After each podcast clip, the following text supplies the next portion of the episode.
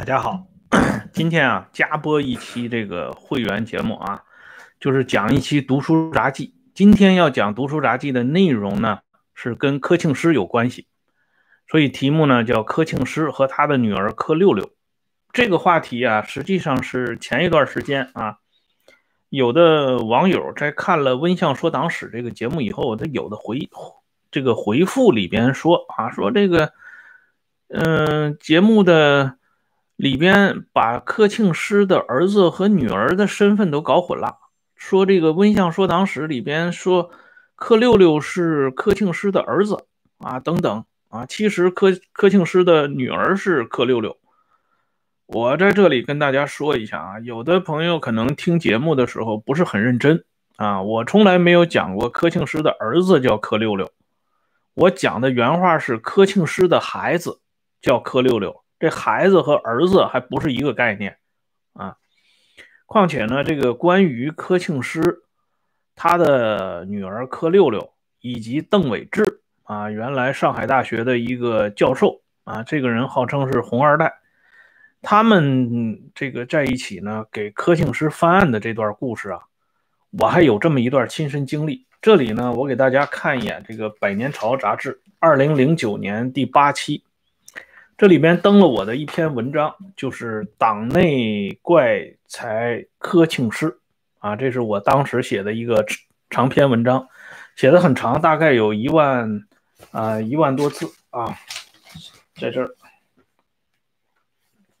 这个党内啊，党内怪才柯庆施这篇文章啊，写了有一万多字，但是发表的时候呢，进行了。呃，删减，呃，删减之后呢，应该有个六七千字的样子。为什么要啊写这么一篇文章？当时突然想起来给《百年潮》写这么一篇文章，其实全然是因为啊，这个二零零三年，当时这个有一个教授叫邓伟志，这个人呢。跟另外一个学者叫冯锡刚，他们两个人打了一场笔墨官司。这个笔墨官司，我后来了解了一下背景，所以那个时候啊，二零零九年那个时候还是年轻气盛，三十多岁，还喜欢打抱不平，所以我就觉得这个邓伟志有点欺人太甚。啊，为什么这么说？因为那个时候，《水笔》杂志上发表了冯锡刚先生的一篇文章，叫《好学生的最后十年》。这篇文章后来又差不多是基本啊原封不动的又发表在《同舟共进》杂志上边。冯锡刚先生的这篇文章呢，主要讲的是柯庆施的话题。可是这篇文章却引起了曾经在华东局政治研究室工作过的邓伟志的不满。这个邓伟志呢，啊，大家上网搜一下，他是上海大学终身教授。啊，这个二零一九年去年的时候，还给这个老头子办了一个荣休的仪式。啊，这放在中国古代啊，这官员退休叫荣归，荣归故里嘛。啊，这上海大学也是别出心裁，给这个教授呢，啊，办了一个荣休啊，光荣退休的这么一个仪式。这个邓伟志啊，写了很多东西啊，大家可以看一下，都是专门吹捧新时代的。这人是一个与时俱进的这么一个学者啊，自己呢，在网上经常吹嘘自己的舅舅叫纵汉民，原来是新四军的旅长。他的爸爸呢？啊，邓某某，他的叔叔邓某某，啊，他爸爸是一九二六年入党的啊，老革命老党员。那意思呢，就是我们这个家庭可不是一般的家庭啊，这种红色的家庭，这种红色的背景，你们是不容小觑的啊。所以呢，他在对冯锡刚这篇文章提出质疑的时候，本来这件事情啊很正常啊。这个，因为你喜欢一个历史人物，别人不喜欢，那么别人发表了文章，你要表示驳斥，这属于观点上的交流和交锋，一点不奇怪，对吧？嗯，咱们说秦桧这种人，虽然为这个很多人所不齿，可是老话讲，秦桧还有仨朋友呢，对吧？可能秦桧的这仨朋友的后代，在他们心目当中，秦桧是正面形象。这不影响啊，大家进行讨论。问题在于什么呢？在于这个邓伟志啊，居然动用组织手段，他调查人家这个作者冯锡刚的背景，试图呢利用冯锡刚他们单位的压力啊，让这个冯锡刚认错，这个就属于过火行为了啊！人家发表篇文章谈论柯庆施，代表人家的一种观点。而且这种观点呢，既不违反宪法，也不违反其他相关的法律法规。那你凭啥要动用组织力量把人家搞掉呢？这完全是一套啊，这个就是真的让人听来啊感到非常愤懑的这种这个流氓恶霸的做法。可是居然就发生在这个啊终身教授的身上。而这个人背后的影子，其实就是柯庆施的女儿柯六六。至于他们两个人之间有没有勾连啊，他们怎么这个，呃，怎么个关系？这个没有实际的证据，我们也不便在这里啊过多的进行宣传。但是邓伟志干的这件事情啊，意外的就让我给知道了。冯锡刚的这篇文章啊，他因为。啊，发表在《随笔》杂志嘛，《随笔》杂志咱们都知道，它随笔顾名思义就是啊，心有所想，笔到啊，就是笔有所写，就是随随便便的写这么一篇散文。所以他这个文章里边呢，很多出处他没有来得及列举，不是说人家疏于列举，是说随笔这种啊，嗯，格式呢，一般情况下不像考据文章那样啊，一一。一一的陈列这些出处和来源没有必要，所以当时冯锡刚的文章发表以后，邓伟志就抓住人家这个辫子啊，提出几个观点。第一个啊，海瑞罢官这个文章，姚文元写的是柯庆施支持的吗？他邓伟志认为不是柯庆施支持的啊，他的观点非常神奇啊。姚文元写海瑞罢官，凭新编历史剧《海瑞罢官》这篇文章的来路，大家都清楚。啊，名义上是江青，其实背后站的是谁，大家都很清楚。到了上海之后，江青怎么就一下子能找到姚文元呢？姚文元是谁调进来担任文艺组组长的？就是柯庆施。啊，这是有历史证据可查的。那柯庆施把姚文元介绍给江青，这是谁说的呢？这是陈丕显说的。陈丕显的回忆录里边提到的，不是没有来由的证据。而且江青在后来为人民立新功这篇讲话里边，专门讲到海瑞罢官是得到柯庆施同志的支持的。啊，你要否定这个东西，你要有实际证据。来证实柯庆施没有推荐姚文元给江青认识，柯庆施没有支持海瑞罢官这篇啊文章的炮制。可是邓伟志给大家的呃理由是什么呢？据说啊，据邓伟志自己说，他认识一个与柯庆施朝夕相处的机要秘书啊，然后呢，他请教了这位机要秘书。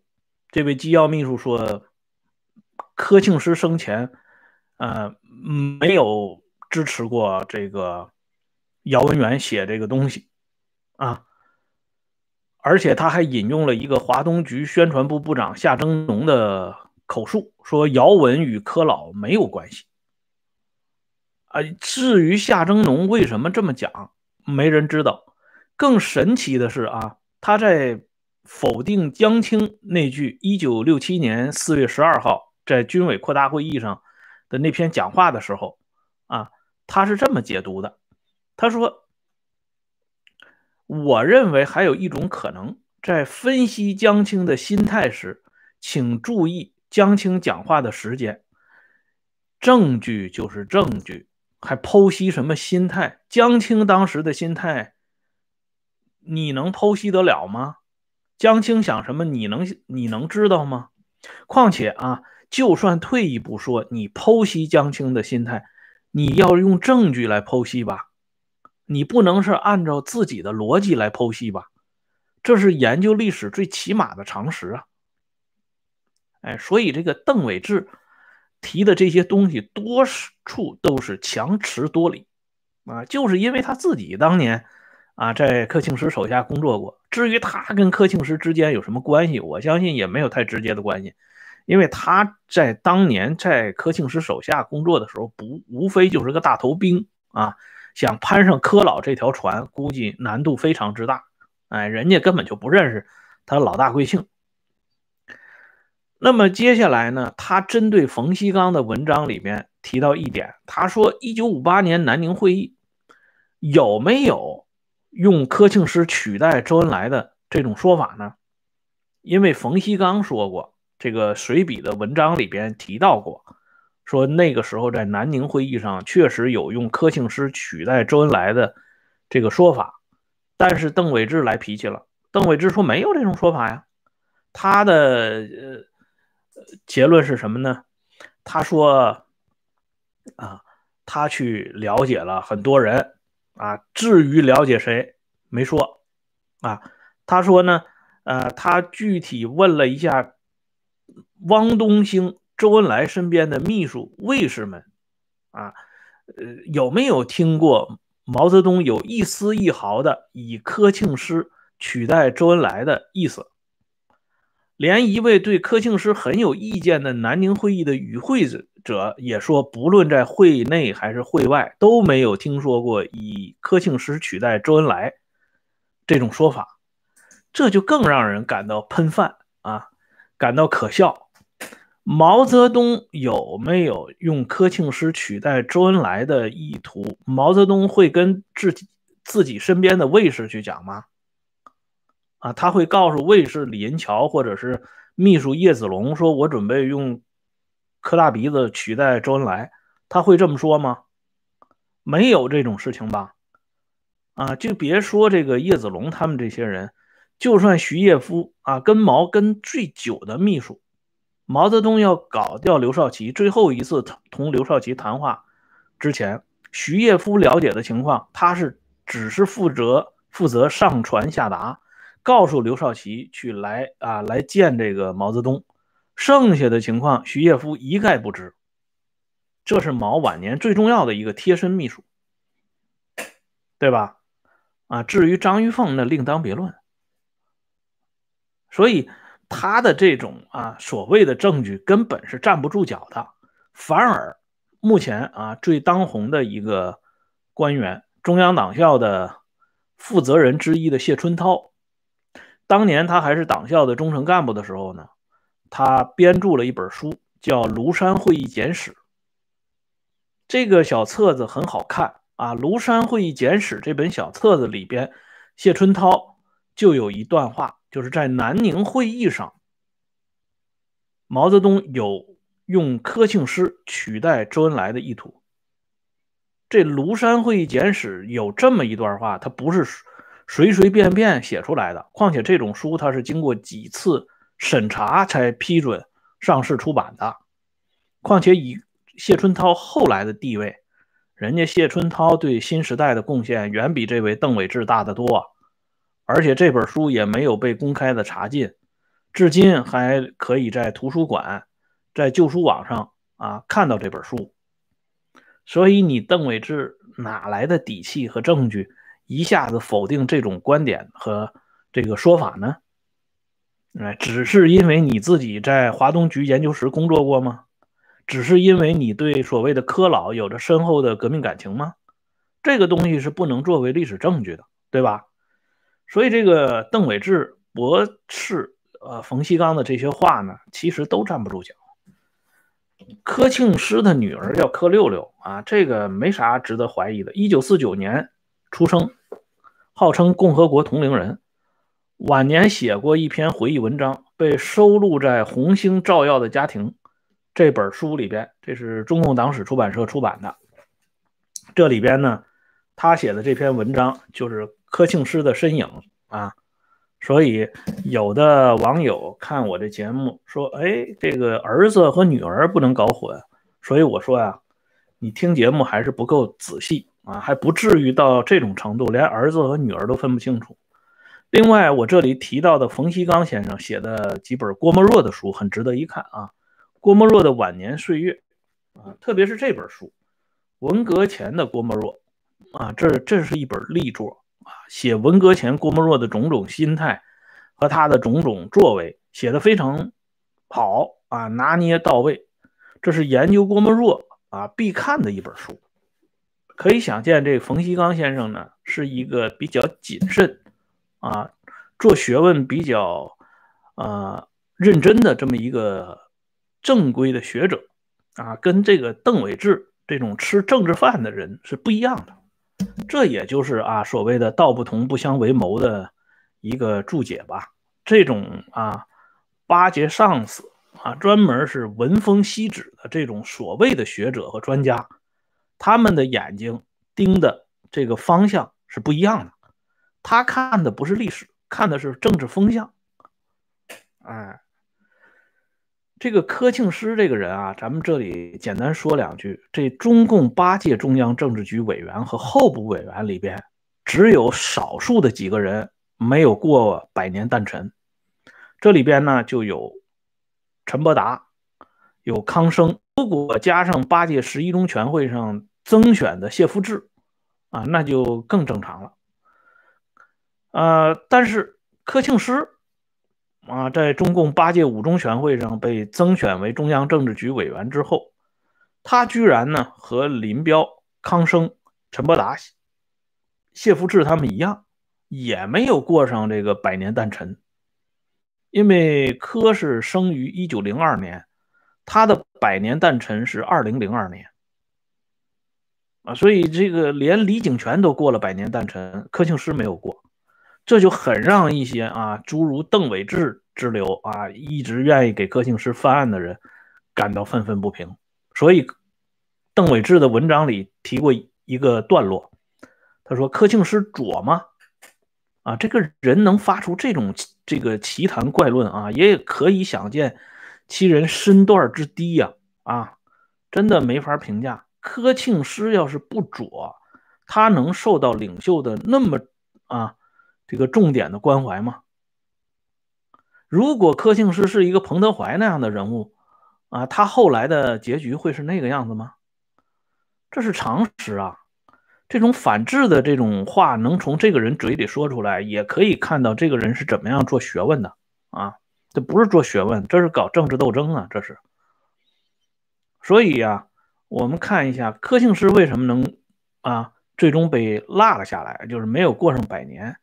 诞辰这个事儿很简单，因为二零零二年是一个大家都知道是一个换届的年份，正好是中共十六大召开，这前后两任领导人交班的时候，而江这一代人，我们都知道他是从上海啊陈国栋、汪道涵啊陈丕显这些老同志们对他印象极好。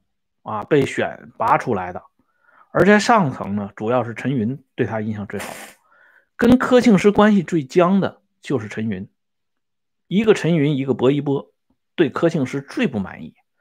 其实邓小平对柯庆施倒并没有太多的恶感，所以后来陈云他们提出来要解决柯庆施的问题，这陈丕显的儿子陈小金啊，在回忆录里面提到，胡耀邦向邓小平提出。要解决柯庆施的事情，但是邓当时认为先解决康生和谢富治，柯庆施的事情先放一边这个我在柯庆施的节目里边给大家解释过，因为柯庆施的追悼会的悼词是邓小平致的，邓是不愿意否定自己啊致悼词的这个历史现象的，所以柯庆施这件事情就给放过了。虽然柯庆施没有遭到政治清算，但是他也被打入另册。就像我刚才讲的，八届中央政治局委员、候补委员中，少数几个没有过百年诞辰的，就有这位柯老。啊，也可以想见他在这个党内高层是一个什么样的地位和印象。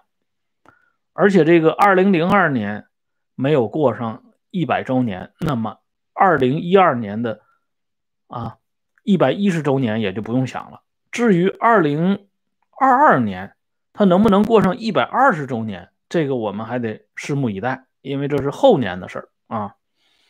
所以啊，我们看一下这个邓伟志是柿子专找软的捏啊。